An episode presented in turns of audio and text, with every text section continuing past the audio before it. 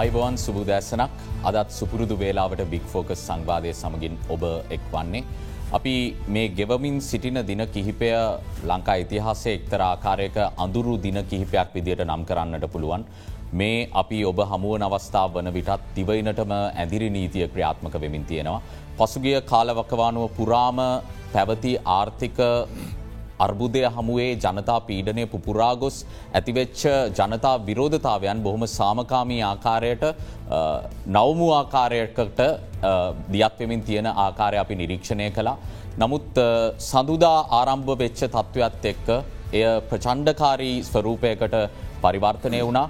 සාමකාමී ලෙස ගාල්මුවදුර විරෝධතාවේ නිරතවමින් සිටි විරෝධතා කරුවන්ට ප්‍රචණ්ඩත්වය මුදාහැරීමට කටයුතු කළේ කවුද මෙය මේ සාමකාමී අරගලය ප්‍රචණ්ඩ කාරිත්වයට පරිවර්තනය කරන්නට වග කියන්න ඕනෙ කවුද කියන කාරණය සම්බන්ධයෙන් රටේ මහජනතාවට මතයක් තිබෙන බව ඉතාම පැහැදිලි අපි නිරීක්ෂණය කරන දේවල් එක්ක.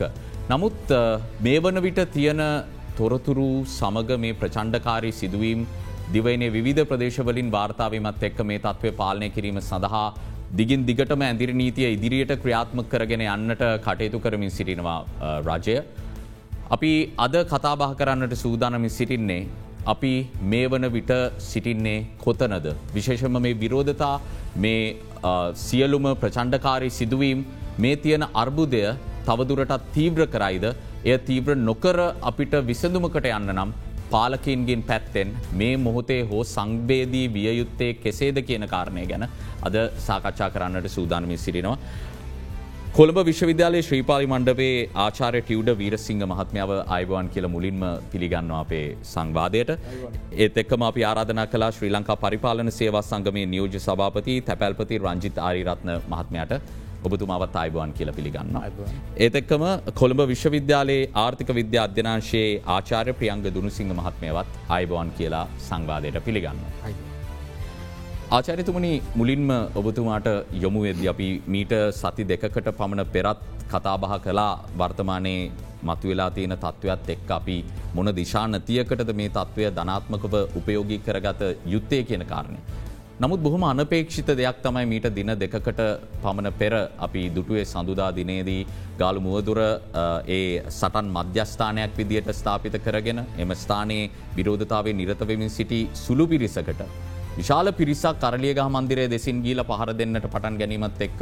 අපි දැක ගාලමුදුර පිරිසගෙන් නෙමේ උන්ට ප්‍රතිචාර එල්ලවෙන්නට පටන් ගත්තේ. කොළඹ නගරේ වෙනත් ස්ථානවට රැකියාවල නිරතවමින් සිටි පිරිස් පවා ප්‍රචණ්ඩකාරී ලෙස ප්‍රතිප්‍රහාර එල්ල කරන්නට පටන් ගත්තා.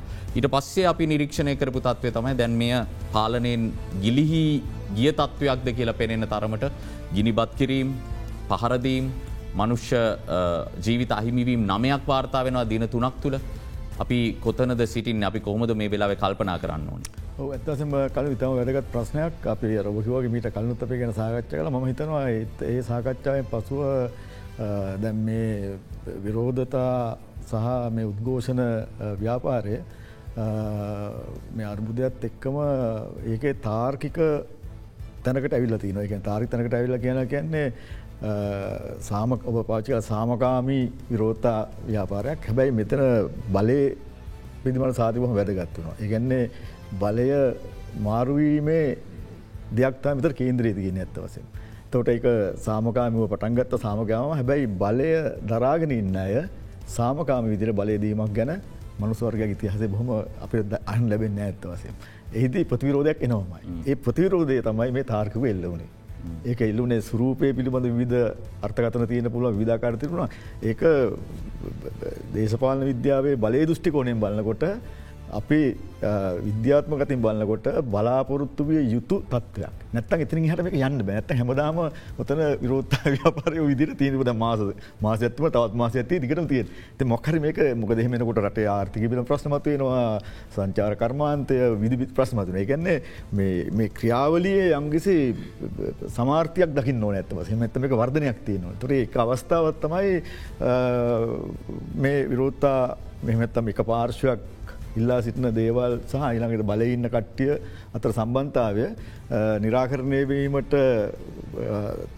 තුඩු දුන්න එක ප්‍රධාන සන්ධස්ථානයක් විතර දැන් අපි මේ අපි දැම මතුවෙලා තියෙනක තමයි ඔය ප්‍රචන්ඩත්වය මුද හැරීමත්තං මැර කණ්ඩායමක් ඇවිල්ලා මේ සාමකම් විරෝධකරුවන්ට පහරදින් දැන් ඒකත් එක් උද්ගත වෙලා තින අලුත් තත්වයක් තොට විරෝධ ව්‍යාපාරය දැන් අලුත් තත්වකට ගහිලදන තොද මේ එතතුර මේ තත්වය තුළ ම මෙතෙක් විරෝධතාවේ නොසිට ඇතැම් කණ්ඩායම් පිරිස් මේ විරෝධතාවයට වෙනත් ආකාරයකින් අවතීරණ වෙලා වෙන තාකරින් අවතීරණ වෙලා උදහරනැකද දැන්ගේ මැර කණ්ඩායම පහරදුන්නේ මෙතන මේ ප්‍රධාන විරෝධාකරුවන්ට. ඊට පස් දැන් අපි මෙතින් හිතන්න ඕන නර ඔබ කිව්වාගේ මේ වෙනකොට රට පුරාම ඒකට යංකිසි ප්‍රතිචාර දක්වම පවතින ඒ ප්‍රතිචාර අර සාමකාමී සරූපයම නෙමේ තුර ප්‍රචන්්ඩකාරී සරූපය ඉත ප්‍රතිනින්ගේ හමක සමහට කොල්ලකාරී සරූපකට පරුවර්තනලා තිනවා ඒවගේ එකතම අපි දැන් අසුහත්තත් අපි ගක්වා ජූලික කළු ජූලිය වලදී සුතුනේ. තර ඒවගේ ක්‍රියාවට දකිනත මම මේක දකිනව ඇත්තවසෙන්ම මේ ක්‍රියාවලියේ අපි හරි තේරුම් අරගන්නන මේ මොහොතේ මේ අපි හරිට විශ්ලේෂණය කරගන්න ඕන. මෙහි තියෙන පාර්ශව සහ මේක අපිට දැම් එහම නැතුව අපට තීන්දුවට එන්න බැයි මොකද කරන්න කියන එක. එකන දැන් මංහිතනවා එක පැත්තකින් දැන් අපි බොහබැලුත් අපේ විශේෂෙන්ම නමසේ හැත්තෑ හතෙන් පස්ස අප අනුගමනය කරපු නාව රිබරලවාද ආර්ථික ප්‍රතිපත්ති. මං හිතනවා ඒකෙන් ඒකින් ඇතිකරපු පලවිපාක සහ ඒකින් ඇතිකරපු ප්‍රතිවිරෝධයන් ඔල එක්තරාකාරක කූට ප්‍රාප්තියක් මෙතන තියෙනවා. එක තමයි ගැඹුරු මූලිකම හේතු දහරාවක පැත්තිෙන තිය. ඊළඟට මේ මේ විරෝධතාකරුවන්ට වෙලියට එන්නට බලපු ආසන්න හේතුමනුවත් ආසන්න හේතු මංහිතන්නේ පසුගිය මාස කීපය තුළ සිදුවිච්ච දීර්කාලයක් විදුලිය සන්ධ කිරීම ගෑස් ප්‍රශ්නය ඊළඟට උද්දමන පිට ප්‍රශ්නය බඩමිල හලයාම ආර්ථිකාරය රෝග ලක්ෂණ. රෝග ලක්ෂණය එක තම එක. තින සින්ද්‍රෝම මතුච රෝග ලක්ෂණටික තුර ඒකට ඒකට ප්‍රචාර තම විරෝධකරුවන් ලිටා ඇත්වස තුරතන විරෝධකරුවන්ට ම හිතන්න අර පහුගේ අවුරුදු දසක හතරගිතර කාලය තුළ මතුවිච්ච අර ගැඹුරු ප්‍රතිරෝත්තාවයන් සහ අපේ රටේ මතුවිච්ච දේවල් ගැන ලොකු සෞඥානිකත්වයක් තියෙනවා. කියන එක. නමුත් මේ දක් මේක ලොකු සංඥාවක් දුන්න මේක තුර ඒක නමුත් බලයින්න ඇය මේක තිම කොහොට කියවගත්ත කියන එක. තුර ඒකොල් හිතුව මේක මේක නිකම් තරුණයන්ගේ මේ වැඩක් මේක මේක ගිහිල්ල ගිහිල්ල එතන්ට ගිහිල්ල පොඩ්ඩක් කෑගහලා ගියාට පස්ස මේක දියාරු කරලා යවන්න පුළුවන් එකක් විදිිය කියවීමක් තිබුණද කියල හිත කියවීමක්. මහිත හමගේමක හිටිය ඇත්ව අන්න එතන වැදගත්වෙන මහිතනවා පසුගිය දසක කීපය තුළ ලෝක එක පැත්තකින් ගෝලිය දේශපාලන සහ අපේ රටේ දේශපාලනය තුළ නව යථාර්ථයක් මතු වුණා. ඒ නව යථාර්ථයන් අතර එකක් තමයි තාරුන්නේ යම්කිසිආකාරයකින් අර නමසි හැටගනගොලට වඩා වෙනකාරයට සක්‍රිය වෙලා දේශපාලන ක්‍රියාවලියට අවතිරුවෙන්ට පටන් ගත්තා. එක එකක් මේ අරුදත් එක්. අනිත් එක කලින් දේශපාලනය කරපු ආකාරයට වඩා වෙනත් මාධ්‍යම් විශෂෙන්ම සෝසිල් මීඩිය නව මාධ්‍ය වගේ අවකාශයන් විවෘත්තවෙන්න පටන් ගත්තා. දැන් ඒකත් එක තමයි මේ මුළු රටත්ක එක හම්බන්ද වෙන්න ඇත්වසය දැන් අද විශේෂෙන්මන පස දෙදස් දහයිදම් පටන්ගත්තවය වර්ණ විප්ලව හෙමත්තන් යුරෝරිවලූෂන් ඔය අරාවි වසන්තය වගේ දේවල් වල මූලික සිද්ධාන්තය එක තමයි යන්න ඇත්වස ගැන්න තියෙන රිජීම් වෙනස් කිරීමට මාරු කිරීම සඳහා සිදුවෙන ඇම ක්‍රියාවලින් ති අපි ඒ හදාගන්න ඕන හඳුර හඳුරගන්න ඕන. තොට දැම් මේ දැන් අපිම ගෝල් පේස්සක වෙන්න පුළුවන් මේ තරුණයෙන්. තොට මේ මේ අය මේ අය විධ මට්ටගල ඉන්න පුළුවන්. මෙතන ඉන්න පුළුවන් විශ්වවිද්‍යාවල ඇය ඊළඟට විධ මට්ටගල ඉන්න පුළුවන් ඊළඟට විදර කියා කරන අය වරස් පර අයස් පරතරයන් ඔක්කම ඉන්න පුල හැබ මේ අය හිටියට දැන් මේ අය මේ ආසන්නම ප්‍රතිචාක මේ අර්බුදය අර මකිම ගෑස් හයවට මේ අභ්‍යන්තරමතවත ඒවට ප්‍රචාර දක්වන දක්වට හැබැයි මේ මෙතෙන්ට මේ අය මේ විදිට ඒමට දැන සමහරගෙන මේක නිර්දේශපාලික එහමත්තම් මේක කිසිම සංවිධානාත්මක විදිහක් මේ මෙතන තියෙන්නේ. මහිතන මමික ප්‍රතික්ෂප කරන මොකද මේක මේක තියෙනවා අපිට පේන ඒක අපි විශ්ලේෂණය කරගන්න නැත්ව මේ ගොඩනෑ කියන එකන මේ දැන්ට තියෙන බලයට එරෙහිව මේ ක්‍රියාත්මකන මේ බලවේගය. තු මේක තිනංශ අරමුණක් ඇත්තවස ඒ අරමුණ අපිට අපිට සවිඥානික නොවෙන්න පුළුවන්. ඉන්නට මේක සාභගෙනට සවිඥානික යම් කෙනෙක් නිර්වාචනය කරොත් මේක බහුතර සමාජ මතේ සංකේතයක් කියලා ගාල්මුදුර විරෝධය ඔබ එයත් එක් එකඟ වෙන්න බහතර දැන් මංහිතන්න මුළු සමස්ත ලංකාවේම ජනතාවගේ පැතිකටක් මෙතර නියෝජනය කියෙන මුළු සමස්ත ගම්මටම මොක්ක මාර්ග බැලුවොත් එකන මේ සුරූපයෙන්. මේක ඉත්තරාආකාරයක සමාජකතා සංකීර්ණ වියහක්න මේක තොර මේක දැඟින් මෙතර ඉන්න පිරිස් එක එදය බැලවා මේක එක්තරාකාරයක යංකිසි ස්තරයක පැතිකටක් මෙත නියෝජන වෙන්න ඇත්වසම එක පලක එක අදස් වෙන්න මේක ප්‍රශ්න නියෝජනයන ප්‍රශ්නත නියෝජනවා ම හැමල මුළු සමස්ථාංකාය මිසු අදා සමාජ මිසු ප්‍රශ්නට නියෝජන එන්න මේ මහික තමක වර මේ යුගේ වඩාත්ම ක්‍රියාශීලී බලවේගයක් බවට දේශපාලන ශේත්‍රය තුළ මේ තාරුණය පත්වෙලා තිනක පැත්ති සහර මාධ්‍යත්තක එකට පත්වෙලා මේ හැටගනගලට මේ දකින් ලැබුණ. හතාර අපිම ප්‍රන්සේ වගේ රටවල්ල යුරෝපේ තාරුණය බලගව නවත් ඒගොලගේ වෙන අරම වෙනත් අදහස් තිබුණ නවත් මේ මේ යුගයත් එක් අලු තත්වයක් මෙත නො නිර්මාණය ලාතින ගැන්නේ එකක් විදහර මේ අය එක පැත්තකින් අපි මේ ජීවත්වන යුගය එක පැත්තෙන් අපේ රටේ විතරක් නෙමෙයි මානව සමාජ පරිනාමය බොහොම තීරණාත්මක සන්ධස්ථානක ජීවත්වෙන්. එකන්නේ පැවදිච්ච නව ගෝලිය මුල්ලය මුල්ලේ ධනවාදේ බිඳ වැටිලා. දැ විශේෂම දෙදස් අට නම ආර්තිකරබුද ඊළඟට කොරුණ ප්‍රශ්නතික බිඳවැටල දැන් අර්බුදට හිල තිනක එක පැත්තෙන් ගෝලි ක්‍රාන්ති සමයක් මේ ක්‍රමයක් හොයන කාලයක් අපි අරබකිවගේ මේක දැවන්ත අර්බුදයක් මේලා තියන්නේ. හැබැ මේ අර්බුදය අපි අර කිවගේ මේකතුර මේ කනගාටට පත්වන්න මේ අර්බුදය කියන ඊළඟට අලුත් දෙයක් පිළිබඳ නව ශක්්‍යතාවයන් නව හැකියාවන් තියෙනතෙන අන්න අප ඒක විග්‍රහ කරගෙන ඒකට අවශ්‍ය වෙන ආකාරයේ දේශපාල වියුවක් සකස් කරගන්නව දැම්මහි අපි දී දැන්ට ඒ අභියෝගතිය. ආචාරතුමන අපි සාකච්ඡා විදිරයට ඇති තව දුරටත් මේ ගැන විග්‍රහ කර ගමු. රංචිත් ආරියරත්න මහත්මය ඔබතුමා තැපැල්පතිවරයා විදිරනම අද ශ්‍රී ලංකා පරිපාලන සේවා සංගමය නියෝජනය කරමින් තමයි සංවාධයට එකතුවෙන්. අපි දැක්ක පරිපාලන සේවා සංගමයත් මේ පවතින තත්වය හමුවේ යම් යම් යෝජනා ඉදිරිපත් කරනය වගේම මේ විරෝධතාවයටත් යම්කිසි ආකාරයක දායකත්වයක් ලබා දෙනවා. දැන් වර්තමානයේ අදමතු වෙලා තියෙන තත්ත්වය කියවා ගනිද්දී සංගමයක් විදියට මොකක්ද ඔබතුමාලගේ ස්ථාවරය. ඔව කලඳු අපි ඇතරම මේ පරිපාලන සේවා සංගමය නියෝජනය කරනවා වගේම සමස්ත රාජ්‍ය සේවය තුළත් අපි යම්කිසි ප්‍රමුඛ භූමිකාවක් නිරූපණය කරනවා. එක නිසා සමස්තය පිළිබඳව අපි මේ අවස්ථාද කතා කළ යුතු වෙනවා. පළමෙන්ම මේ ඇතිවෙච්ච සිද්ධිය සහ ඒ සිද්ධියට පාදක වෙච්ච කණ්ඩායම් පිළිබඳව අපේ දැඩි විරෝධතාවය සහ පිළිකුල මේ දවස්ස මේ වෙලාවේ ප්‍රකාශ කරන්න ඕන. මොකද තරම්ම ජුගුප්සා ජනක සිදුවීම් මාලාවක්තම මේ ආරම්භ කළේ. බොහොම සරල විදිර මේ අනිත්තක මේ තරුණ නැගිටීම කියන එක ඉතා සරල විදිහට විග්‍රහ කරගත්තා. ඒ සරල විදිහට විග්‍රහ කර ගැනීම තුළ අපි පැදිලුවමකිව මේක තත්වය දරුණු වෙන්න පුළුවන් මේක. මොකද මේකේ කූට ප්‍රාප්ති අද නෙවේ මේ අද තියෙන තාමත් ලක්ෂණ අපිට පෙන්න්නන්නේ.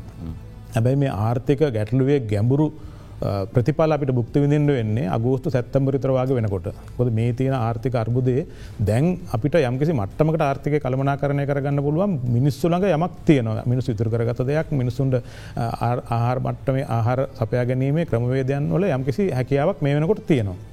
හැබැයි අපි දන්නවා දැම් මේ අස්ථාවර භාවත් තුළ මේ දැම් මේ තියෙන අරාජික තත්ත්වය තුළ තවදුරටත් ඉදිරියට යන්න බෑ මේ තියෙන නීති විවහය තුළ.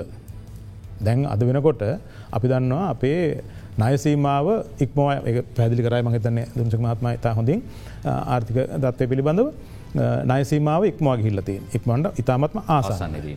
එතකොට ඒ ආසන්නතාවය තුළ මුදල් අමාත්‍යවරයත් කිව්වේ වැටුප් ගෙවම සම්බන්ධවත් ගැටලුවත් තියෙනවා. ඒ වැටුප් ගෙවීම සම්බන්ධව කිව්හම රාජ්‍යසේවකයෝ ලක්ෂ පහලොක්කින්නවා. ඒ ලක්ෂ පහලුවෙන් ලක්ෂ තුනකට හතරක් අතරකට ආසන ප්‍රමාණයක් ආරක්ෂකන්සෝලාය. එතකොට ඒ අයට වැටුප නැතුව ජීවත් ජීවිතය ගෙනයන්න බැරිවෙනවා. එතකොට ඉදිරියේදී මේ තත්ව අපි හරියටම නිරාකරන තේරුම් තේරුම් ගත යුතු වෙන නිරාකරණය කිරීම සම්බන්ධ අර අපි තේරුම් බර තේරුම් ගන්න ඕන. එත් එක්කම මේ හැම කෙනෙක්ම මේ වගකවිය යුතු හැම කෙනෙක්ම මේ සිද්ධිය ඔහොම සරල විදිහට තම විග්‍රහ කරගත්ත මුලින් කිය විදිහට.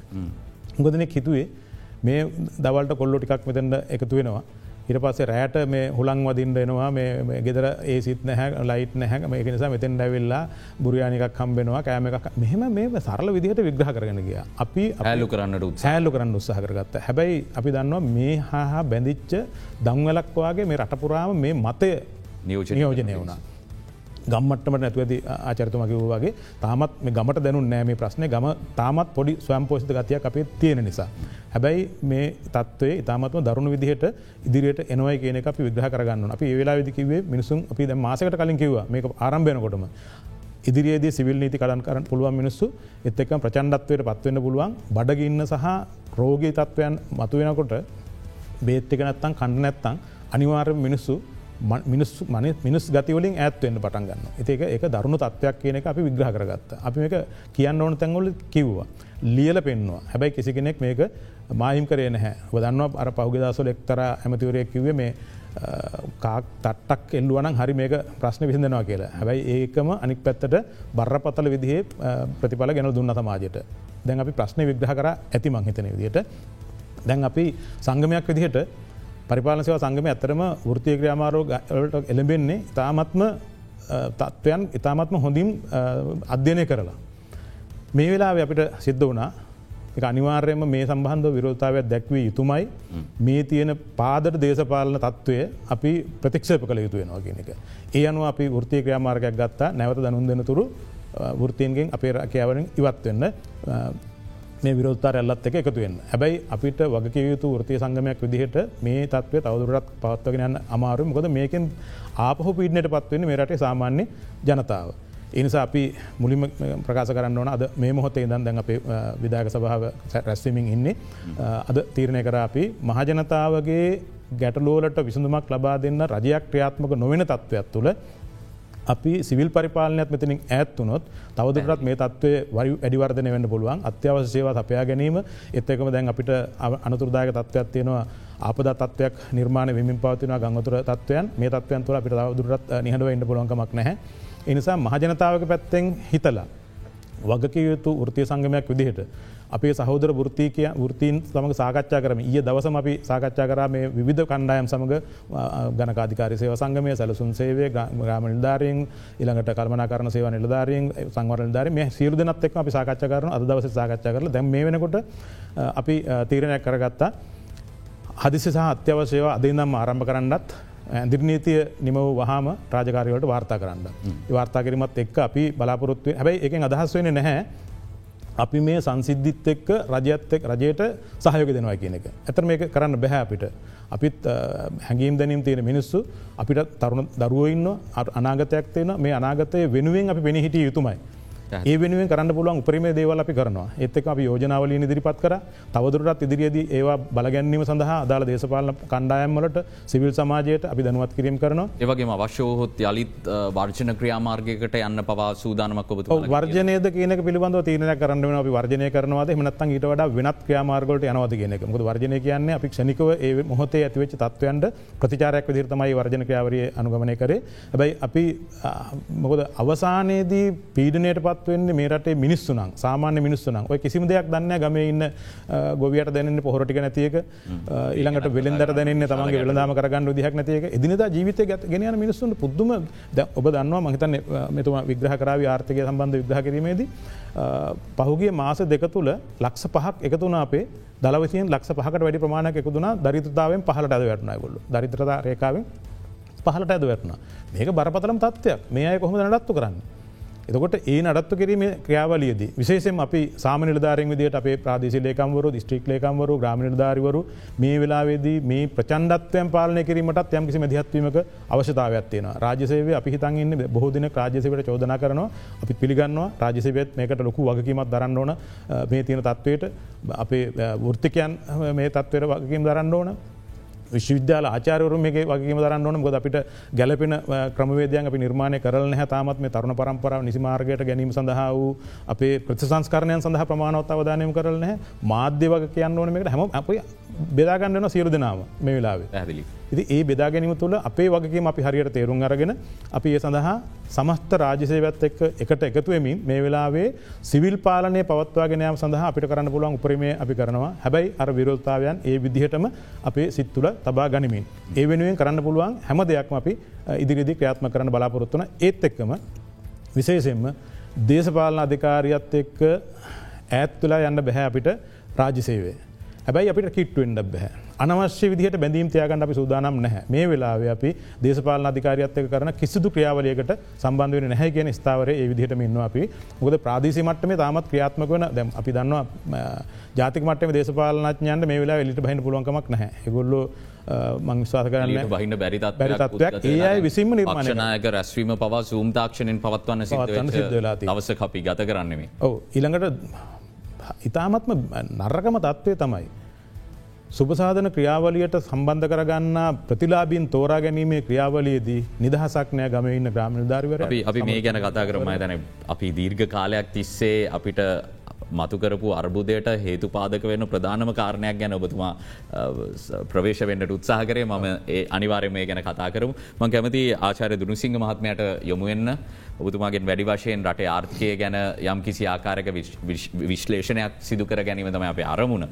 දැන් විදේශ විනිමය අර්බුදයක් ගැන අපි දීර්ඝ කාලීනව කතා කර. දැන් අපිට ප්‍රතිඵල පෙනෙන්න්නට තියෙන පෝලිින් නිර්මාණ වෙලා තියෙන අත්‍යවශ බාණ්ඩ ටිකවත් ගෙන්න්න ගන්න හැකියාවක් නෑ අනිත් පැත්තෙන් විදේශ විනිම අර්බුදයක් විතරක් නෙමේ දැන් දේශී ආර්ථිකය තුළ විශාල අර්බුද නිර්මාණ වෙලා තියෙන ඉදිරියේදත් නිර්මාණය වෙන්න නියමිතව තියෙනවා. මෙතුමාගේ පැහදිලි කිරීම තුළත් කතා කරපු කෘෂිකර්මය විශාල තර්ජනයකට මුහුණ පාල තියෙනවා. දැන් මේ කන්නය වගා කරන්න ගොවීන් පෙළඹිලාවත් නෑ උන්ට අවශ්‍ය කෘසි රසායනය ද්‍රව්‍ය ලැබිලා නැති නිසා.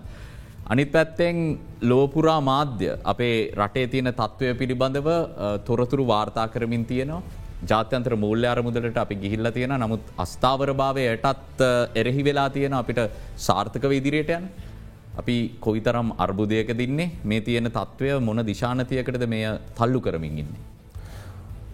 මම හිතන්නේ පවත්නා තත්ත්වය දැන් මේ තියෙන සමාජාර්ථික ගැටලුව මූලික වසයෙන්ම මතුවෙන්නේ ආර්ථික අර්බුදයක් එක්ක. ආර්ථික අර්බුදයට අදාළ පිළියම් නිසි අවස්ථාවේ නොගැනීම කියන කාරණාව තමයි මූලික වසයෙන්ම මේ අර්බුදය තීවර කරන්නත් අද වෙන විට එක දේශපාලන අර්බුදයකට එහා ගිහිල්ල සමාජ අර්බුදයක් දක්වත් යම් මට්ටමකට වර්ගවාදී තලයටත් මේක ගමන් කරමින් පවතිනවා. එතකොට දැම් මේ සඳහා මේ අවස්ථාවේදී මේ නිසා අපි සියලු දෙනා දන්නවා අත්‍යවශ්‍යම කාරණාවක් තමයි යම් දේශපාලනික ස්ථාවරත්වයක් ගොඩනැගීම. ඒ ස්ථාවරත්වයකින් තොරව අපිට හැකියාවක් නෑ අද වෙන විට අපි කියනවා ඩොලරුත් නෑ රුපියලුත් නෑ කියලා. ඒ ගැන්නේ ඩොලර් නෑ කියන කාරණාව මංහිතන්න යම්කිසි කාලෙකට පෙරසිටම දැනගෙන හිටිය නැත්නම් රටට ආර්ථිකයට දැනුණා. නමුත් දැන් මේ වන විට විශේෂයෙන්ම රජයේ වියදම් පවත්වාගෙන යාමට අවශ්‍ය වන්න වූ මුදල් නොමැතිකම තුළ එක්තර ආකාරකට දැන් ආණ්ඩුවත් බංකොලොත් වෙන තැනකට ගිහිල තියෙන්නේ. රජයේ රජයේ කටයුතු පවත්වාගෙන ෑමට නොහැකි ආකාරයට විශේෂය මේ සඳහා අවශ්‍ය මුදල් ප්‍රතිපාදන පාර්ලිමින්තුව හරහා ලබාග නොගත හොන් ඒ අපි කියන ආණ්ඩුව බංකොලොත්ව ද රට බංකොලොත්වල ඉවරයි බයිට පස ආණ්ඩුවත් බංකොලොත්වෙනවා. ඒ ඒ තුළ ඇතිවෙන්න පුළුවන් අර මංහිතන් අපේ පරිපාලන සේවා සංගමේ නිල්ධාරිතුමා පැහැදිලි කරා වගේ ඒ තුළ ඇතිවෙන්න පුළුවන් විශාල අර්බුද රැසක් තියෙනවා. ඒ අර්බුද රැස පිළිබඳව මංහිතන මේ අවස්ථාවත පුරෝකතනය කිරීම තර මොහොත් සුදු නෑ. මේ නිසා අවශ්‍ය වෙන්නේ මූලික වසයෙන්ම අපි මේ වැටලා තියෙන ආර්ථිකය ගොඩනැගීමට අවශ්‍ය වෙන දේශපාලන ස්ථාවරත්වය හා ඊට අදාළව ඇති කළගත යුතු නව ආයතන විවහය පිළිබඳ කල්පනා කිරීම තමයි මහිතන අවශ්‍ය වෙන්නේ.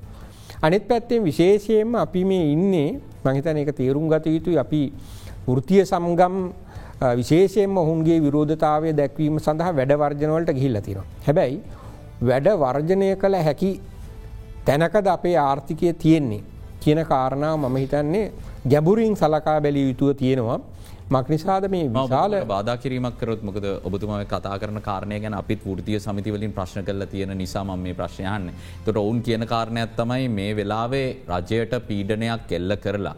ජනතාවිල්ලන දේශපාලන විසදුම හැකික්මනින් ඔවුන්ට දිනාදීමට නම් අපිට වැඩවර්ශනවලට යන්න සිද්ධ වෙන කළු පටියක් පැළඳගෙන දැනුවත් කිරීම් කරා කියලා මේක රජයට දැනන්න රජයම ගෙනල්ල කළු පටිදේ අපිට බැඳගෙන ඉන්න කියලා.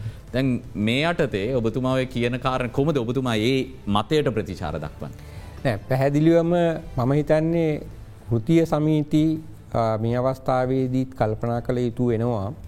විශේෂයෙන්ම මේ තියෙන අපනයන ආර්ථිකය විශේෂයෙන්ම කඩා වැටීමකට ලක්වුණොත් අනිකුත් ශේත්‍ර කඩා වැටීමකට ලක්කොළො. ඒ හරහා අවසානයේදී විශාල අර්බුදයකට යන්නේ සාමාන්‍ය ජනතාව විශේෂයෙන්ම මේ ආර්ථික ජීවිතය කඩා වැටීම ඉන් පසුව එක්තරාකාරයකට අපිට හැකිවෙන්නේ නෑ ඒ කඩා වැටෙන සමාජාර්ථික ජීවිතය තුළ විශාල අරාජිකත්වයකට රට ගමන් කිරීමේ වලක්වා ගන්නීමට හැකිවන නෑ එක නිකං හරියට අර අපින ලූටිං ඒගැන ස්ට්‍රීට් ලූටිං කියලා. එකැන ගස් මංකොල්ල කෑම කඩසාප්පු කඩා දැනීම ඇති ඇතිය කිය පුද්ගලින්ට. වැටෙන ඕ ඒ ආකාරයේ අර පාලනයෙන් මිදී මේ තත්ත්වය ගමන් කිරීමට ඉඩකඩ තියෙනවා සමහර තත්වයන් තුළ. ඒනිසා ම කියන්න මෙම වෘතිය සමීතිවල තමන්ගේ ඒ විරෝධතාව නොදැක්ව යුතුයි කියන කාරණාව නෙමේ කියන්නේ දැක්විය යුතුයි අනිවාරම හැබ අපි ඒ සඳහා අපි තෝරගන්නකොට විශේෂයෙන්ම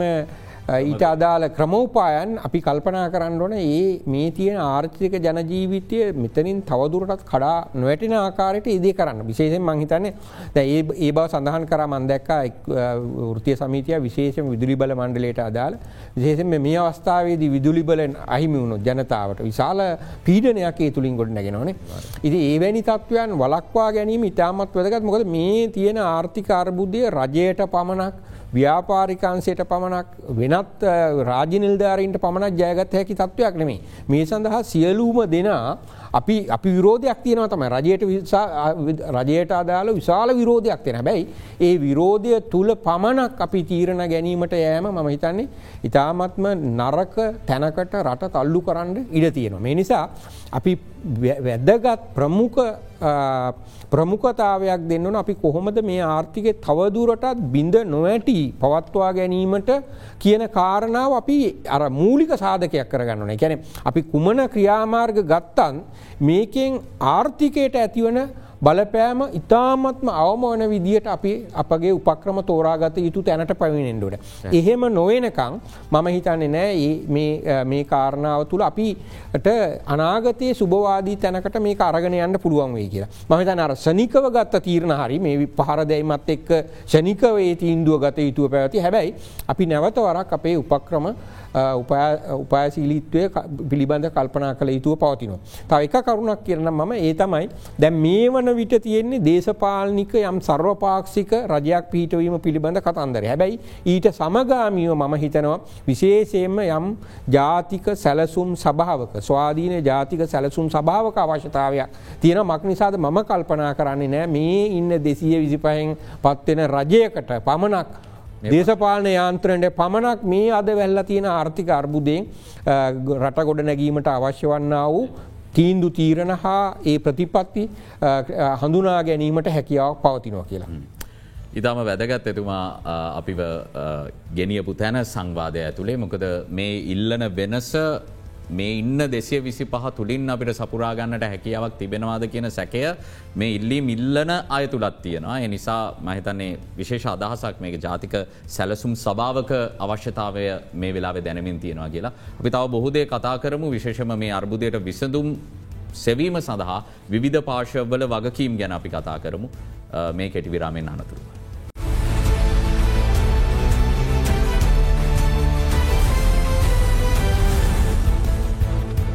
ආචාර ටියවඩ වීරසිංහ මහත්මය දැන් අපි මූලික වටේ කරුණු දැක්වීම් වලින් විද්වතුන් තිදෙනගේම ඉතාම පැහැදිලි මේක බරපතල තැනකට තල්ලුවමින් තියෙන අර්බුදයක් බව මනාව තේරුම් මරං තියෙනවා. නමුත් සිවිල් සංවිධාන විද්වත් සමාජය මේ විදියට මේක කියවා ගත්තාට මේ සම්බන්ධය රිජුවම පිළිතුරු ලබා දෙන්නට ජනතා විසින් බලය ලබාදීලා තියෙන මහජන නියෝජිතයි. මේ අර්බුදේ බැරෑරුම්කම තේරුම් අරගෙන තියෙනවද කියන සැකය දැඩි ලෙස මතුවමින් තියෙන මොක දේශපාලන විසඳුමක් ගැන ළඟ පාතකවත් නෑ දැන් අද කෙටිපනිවිඩයක් නිකුත් වුණා විපක්ෂනායක සජිත් ප්‍රේමදාස සූදානමින් ඉන්නවා කියලා අග්‍රාමාතය දුරය භාරගන්න ජනාධිපති ගෝටාබේ රාජපක්ෂ ඉල්ලාස් වෙනවා නම්. නමුත් එවැනි ඉල්ලාස්වීමකට මේ වනතෙක් ඔහු තුළ සූදානමක් තියෙනවද කියන කාරණය කිසිවෙක්ට අවබෝධයක් තියෙන දෙයක් නෙමේ.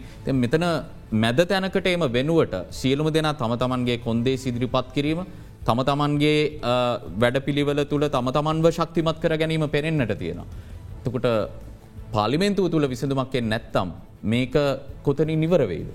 ඇත්වසෙන්ම කලිත මහිතන්නේ අපේ ආරත් මහත්මය වගේ අපේ ආචරපියන්ත මත් ඉදිපත්කපු අදහස් බැලුවොත් දැන් අපි ඉන්න එක පැත්තකින් බැලුවොත් නිදහසෙන් පස් අපි මුණ පාලතින තීරණාත්මක මර්බුදය ඊට කලින් මෙච්චර අර්බුදය අපි මුණදු නෑ ඇත්වසම මහිත ප්‍රියන් හොඳ බන්න මේක තින ආර්ථික පැත්ත ඩොර හිඟවීමත් එකකාව පැත්ත. ඉලාට නිදහසෙන් පස් විසම හැත්ත හතෙන් පස අවුණගවනය කරපු ලිබරල් ආර්ථක මොඩල ගෝලිය වස අරුදයට ගිල සහ ජාති වසින් අරුදක බිඳ වැටිලති අවස්ථාවක් මේ මිට කලින් හමගත් තිබෙන ඇත්වස කවදාව කාරණා දෙකයි. ඊළඟට අපේ පොලිටිකල් ක්ලාස් එක දේශපාලන පන්තිය රොබකිවවාගේ තවදුරටත් අර නිදහසයෙන් පස්සේ ඒ දේශපාලන ක්‍රීඩාවෙන් තමයි තවමත් එදිමින් ඉන්නේ. තොර දැනුත් අපිට මේ පහුගිය පාර්මේන්තු දවස් දෙකත් වනත් දුන්නා මේකට විසඳුමක් හොයගන්න. ඒකත් අපි හොඳටම දැනගත්තා අර ක්‍රීඩාවේ මිසක් ඒ සම්ප්‍රදායගත්තන් එලියට ඇවිල නෑමකුළු. ගැන මේ අර්බුදය පිළිබඳ මේක ගැඹුරහා මේකතින ගෝලීය සහ කලාපිය පැත්ත සහ ජාතික පැත්ත පිළිබඳ කිසිම සවිඥානිකත්වයක් මහිතන අප ඉන්න පාර්මේන්තුව දෙසි විසි පස් දෙනාටම නෑ පේන විදියට.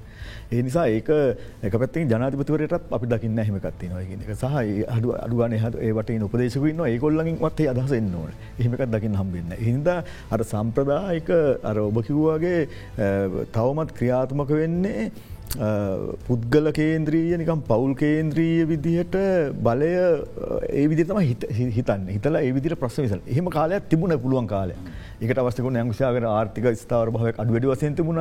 සමාජයේ තිබුණ ස්ථාර භාවයක් තිබුණ යංක්ෂයාත යංගමට නමුත් මංකිවරදයන් පහුගිය දස කීප තුළ ඇතිවිච්ච අලුත් වෙනස් කම් හිදා අර ගෝලිය වසෙන් තිවිච්චේව කලාපිහ ජාතික වසින් විච්ච දේවල් එක්ක බැලුවහම දැන් අලුත් තත්වයක් අලුත් යථාර්ථයක් නිර්මාණ වෙලා මේ අලුනැක් විදිට ආචරිතුමනි අන්තර්විශ්ව විද්‍යාල ශිෂ්‍ය බල මණ්ඩලේ විරෝධතා ගැන. සමාජය තිබුණු පොදි මතවාදය අපි නිරීක්ෂණය කරද්දි මීට වසරකට පෙර. ඒ මතවාදය අද තියනෙකට වඩා බෙහිවින්ම වෙනස් ඔවුන්ගේ ස්තන වර්ජන අසරටකි ඔවුන්ගේ විරෝධතාසරටගේ අපි දැකල තියෙන සුකෝපභෝගී රතවල යන මධ්‍යම් පාන්තිකයෙන් නොවන්ට බැනවදිනවා. නමුත් අදවන විට උන්ට වතුර බෝතල් දෙන තත්වයකට මේ මතවාදී මේ වෙනසක් සිද්ධ වෙලා වෙනස් වෙලා තිනවා ඒ විතරක්නම ඔවුන් සමඟ විවිධ පන්තිබේද ඊළඟට විවිධ ස්තරබේදර නොතකා එකට එකම අරගල ඉන්න කට්ටි ඔක්කොම් බැලූත්. එතකොට අලු තත්ව නැත තත්ත් එක් විසදුනුත් අලුත් විය යුතුයි. අලුත් එත ඒ නිසා නමුත් මේ අලුතෙන් බිහිලා තියන මේ අලුත් මේ පද්ධතිය පිළිබඳව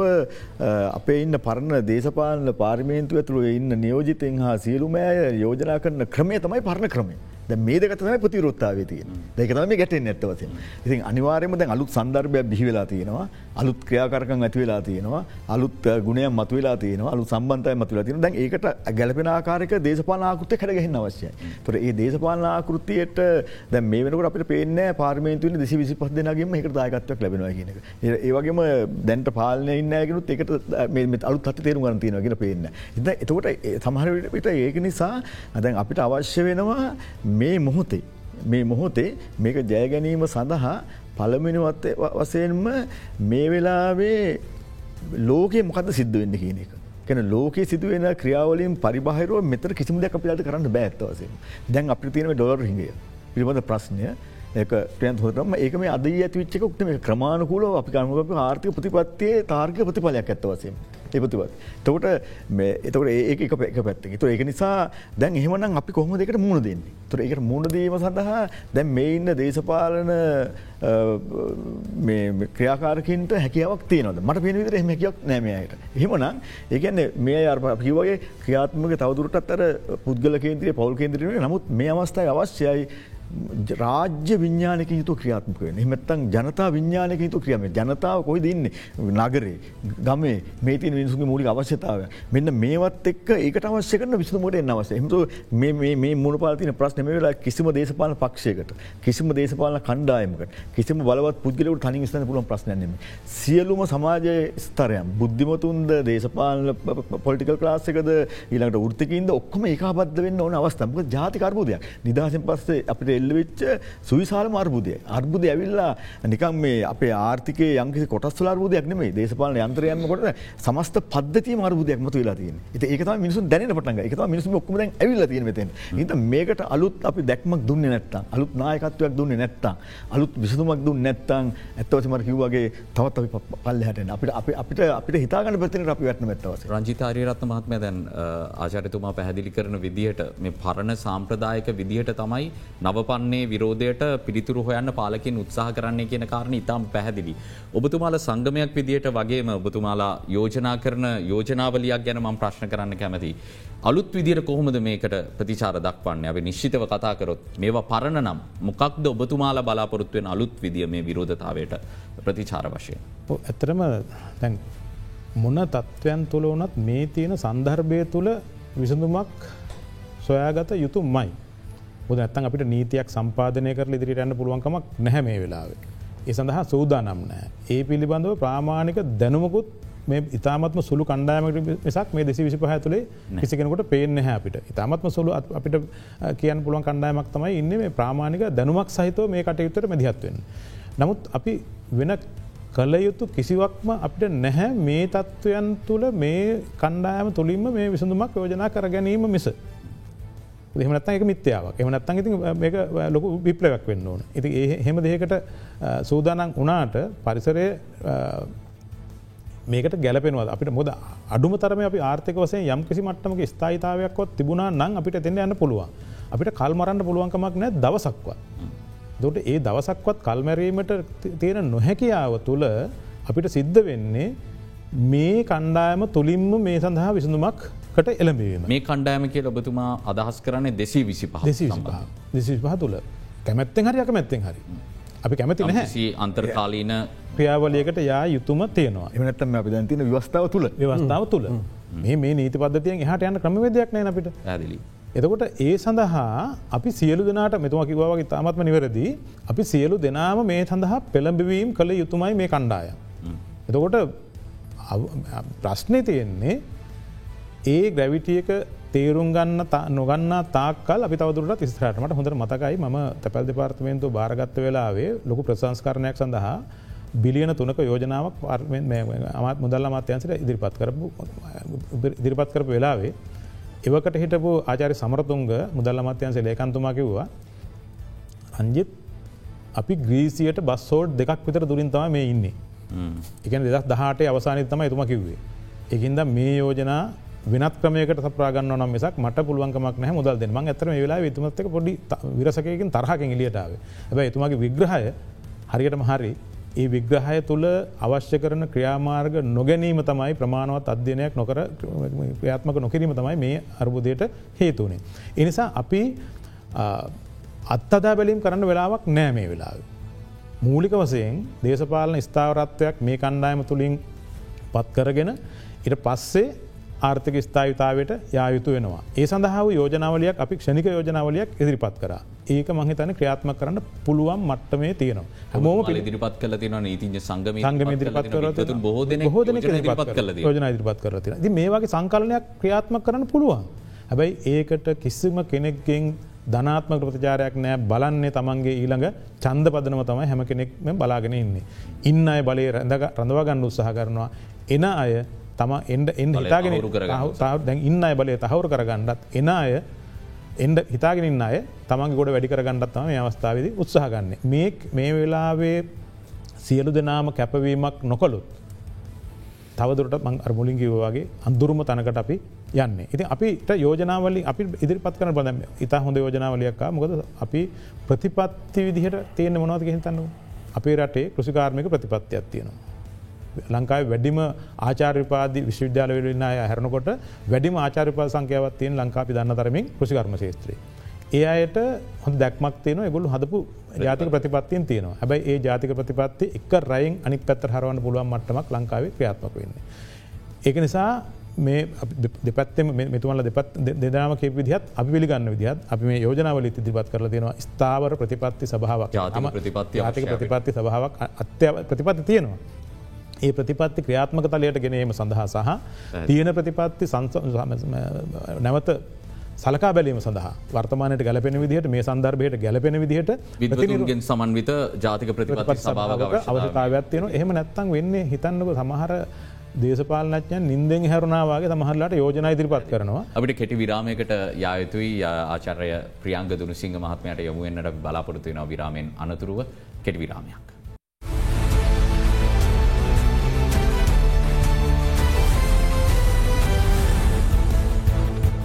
ආචාර ප්‍රියංග දුනුසිංහ මහත්මය දැන් අ, විරෝධතාකරුවන් සිටින්නේ ආවේගයක. අපි මේ ප්‍රචණ්ඩකාරී අ, සිදුවීම්බල නිරත වෙලා ඉන්න අය ගැන නෙමෙයි කතා කරන්නේ. ගාල්මූදුරට එක්රැස් වෙලා බොහොම සාමකාමීව විරෝධය නිරත වෙලා හිටපු අයගේත් හඬ බවට පත් වෙලා තිබුණේ පළමු සටන් පාටය ජනාධිපතිවරයා ඉල්ලාස්විය යුතුයි කියන කාරණය. ඔවුන් එහිදී පෙන්වන කාරණය තමයි අ, මෙතුමා සඳහන් කරන විදිට වසර හැත්තෑ හතරක අපේ ආර්ථික කළමනා කරණය තුළ අර්බුදයක් හැමදාම තිබුණත්. මේ අර්බුදය පුපුරයා යන තත්ත්වයට පත් කළේ අවසාන අවුරුද් දෙකාමාර තුළ ගත් සහ නොගත් තීරණ. එනිසා මාතින් මේ වරද වුණා මාතින් මේ වරද සිද්ධ වුණා මා දැන්නේ අවබෝධ කරගෙන තියෙනවා දැන් නිවැරදි කරගන්න අවස්ථාවක් දෙන්න කිව්වාට ඒ අවස්ථාව නොලැබිය යුතුයි. ඒ සමාවදිය නොහැකි වැරදි කියන මතය විරෝධතාකරුවන් තුළ තියෙනවා. එතකොට ඔවුන් ඉල්ලන අ, ඒ ඉල්ලීමෙන් මෙහා කිසිදු විසදුමකට ඔවුන් එකඟ වෙයිද. එසේ එකඟ නොවීම කොයිතරම් අ, බලපායිද රට ඉදිරියට. යන්න. ඕ මූලික වසයෙන් මම කියව ගන්නේ දැන් අපි කෙටියම කිවත් ගෝට බෝහෝම්. කියන කාරණාව තුළ මම දකින්නේ දැන් පුද්ගලය නෙමේ. මම දකින්න මේ සිිස්ටම් එක. මේ තියෙන සිිස්ටම් එක තුළ තමයි විදායක ජනාතිපති ක්‍රමය තුළ තමයි විදායක ජනාතිපති තමයි ගත්තේ නැත්ති තීන්දු. ඒ ක්‍රමවේද ඒ ක්‍රමය තුළ තමයි විශේෂයම පාර්ලිමේන්තුව තුළ මොනව කතා කරත්. විවිධ දේශපාලන පක්ෂවලින් දේශපාලන නායකින් මොනවා කතා කරත් අවසානයේ තීන්දු ගන්න එක පුද්ගලේ. හරි දැන් කෘෂිකර්මාන්තය පිළිබඳව තීන්දුගත් එක පුද්ගලේ හරි කෘෂිකර්මාන්ත දෙපාර කෘෂිකර්මික දෙපාර්තමේන්තු හරි එම නැත්නම් අමාත්‍යංශය හරි ඒ කිසිදු විමසීමකින් තොරව. ව්‍යාපෘති නවත්තන්න තීරණය කරේ විශේෂයෙන්ම මේ සෑල්ලු දුම්රිය මාර්ග වගේ දේවල් අනිකුත් අ, මේ ව්‍යාපෘති නවත්තන්න තීරණය කරේ නැසන ප්ලෑන් ඩිපාර්ට්මට එකන මුදල්ල මත්‍ය ඇස ජනාතිපති. එතට ජනාතිපතිතුමා තමයි සමහර තීරණ ගත්තේ නැත්තෙත් සමහර තීරණ ගත්තේ. මෙනිසා මම දකින්න මේ පෝටාබේ කියන පුද්ගලයන මේ යා යුත්තේ. මම හිතන විදායක ජනාතිපති ක්‍රමය යා යුත්තේ. එනිසා මේ මේ තියෙන විරෝධය තියෙන්නේ මේ ගත් නොගත් තීන්දු තීරණවලට අදාළ මේ තියෙන විරෝධය තියෙන මේ ඩිසිසන් මේකින් සිිස්ටම් එක නැන තීන්දු තීරණ ගන්න මේ වියහට තමයි නැන්න මේ ප- මේ- මේ ක්‍රමවේදයට තමයි විරෝධය තියෙන්නේ. අන්නේ ක්‍රමවේදේ තමයි වෙනස් කළ යුත්තේ පුද්ගලනම මේ පුද්ගලය වෙනුවට වෙන පුද්ගලෙක් ඇවිල්ලා ඔතන්ට ඔය ති- තිම ඔය පුටුව ගත්තත් නැවතවරක් ඒ තත්ත්වයම තමයි සිද්ධ වෙන. එනිසා මම හිතන්නේ ඒ ක්‍රමවේදය වෙනස් වූ යුතුව පවතිනවා. ඒ විතරක් නෙමේ මෙතනින් එහාට ගිහිල්ලා අපි දැන් මේ රාජ්‍ය මූල්‍ය අර්බුදය පිළිබඳ අවධාන යොමුකොරොත් දේශපාලන තීන්දු තීරණවලට දේශපාලන්ගේ හිතුමනාපිට දීපාර්සික මූලාශ්‍රවලින් බහුපාර්සික මූලාශ්‍රවලින් ජාත්‍යන්තර මූල්‍ය අර මුල්ලේ වෙළඳපලේ නයාරගෙන තමන්ගේ හිතුමනාපිට ව්‍යාපෘති කිරීම උඩනි මේ වෙලා තියෙන්. එතට අපිට ඒ ව්‍යාපෘති කුමන ව්‍යාපෘති ක්‍රියාත්ම කරනවද කුමන ව්‍යාපෘති ක්‍රියාත්මක නොකරනවා දෙයන්න පිළිබඳ හරිහැටි සක්්‍යත අධ්‍යයනයක් ඒ කිසිවක් නෑ. ජාත් අපි කියන නිදහස් වෙළඳ ගියසුම්වලට එළඹිය යුතුද නැද්ද කුමන රටවල් එක් එළඹිය යුතුද කොළඹ රටවල් එක්ක එළඹිය යුතු නැද්ද. පෝර සානාධාරය දිය යුතුද නැද්ද. යනාධ්‍යාකාර තීන්දු තීරණ කිසිදු ආකාරයක විශ්ලේෂණයකින් තොරව තම ගැනීම තම මූලිකරබුදේ. මෙන්න මේ නිසා තමයි මංහිතන මෙතුමාලක් යෝජනා කරලා තියෙන විදිට ජාතික සැලසුම් සම්පාදන සභාවක් නැන්නම් නැසනල් පෑනිින් කමිෂන් එකක්. පිහිට යුතු දැන් හොඳ මුදාහරණය තම ඉන්දියාවට දෙදස් දාහතරය අහෝසි කරන තෙක් තිබුණා නැස් ඉන්දියන් ඉන්ඩිපෙන්ඩන් ප්ලෑනිින් කමිෂන් එක. ඊට පස්සේ ඉන්දියාව ඊට පස්සේ එක නම් කර එක ඇප්‍රෝච්ච එක වෙනස් කරලා ප්‍රවේශය වෙනස් කරලා නම් කර නිටි නැසනල් ඉන්ස්ටිටියසන් ට්‍රන්ස්පෝමිං ඉන්දියා කියලා. හරි ඉන්දියාව පරිවර්තනයකට ගිනියෑම සඳහා අවශ්‍ය වෙන ප්‍රතිපත්ති සම්ප්‍රතිපත්ති ඒ සම්පාධනය සඳහා වූ ආයතනය. එතකොට දැ මේ ලංකාව මේ ඇවිල්ල තියෙන මේ අර්බුදය ඩිෆෝල්ටිං කියලා කියන්නේ. බංකොලොත් භාවය කියලා කියන සුවිශේසී රෝගයක්. හරි මේ රෝගය ඇදිල තියෙන පෞගි අවුරුදු පණහටම ගත්තොත් පණහැම් ඇත්තරම ලංකාවට හරි මේ ආසියාවෙන්ම. හරි මේක සුවිශේසි තත්ත මේකින් ගොඩේන එක සඳහා කෙටිකාලීන මධ්‍යකාලීන දීර්ඝකාලීන සැලසුම් අවශ්‍ය වෙනවා. එහෙම සැලසුම් සකස් නොකොළොත්.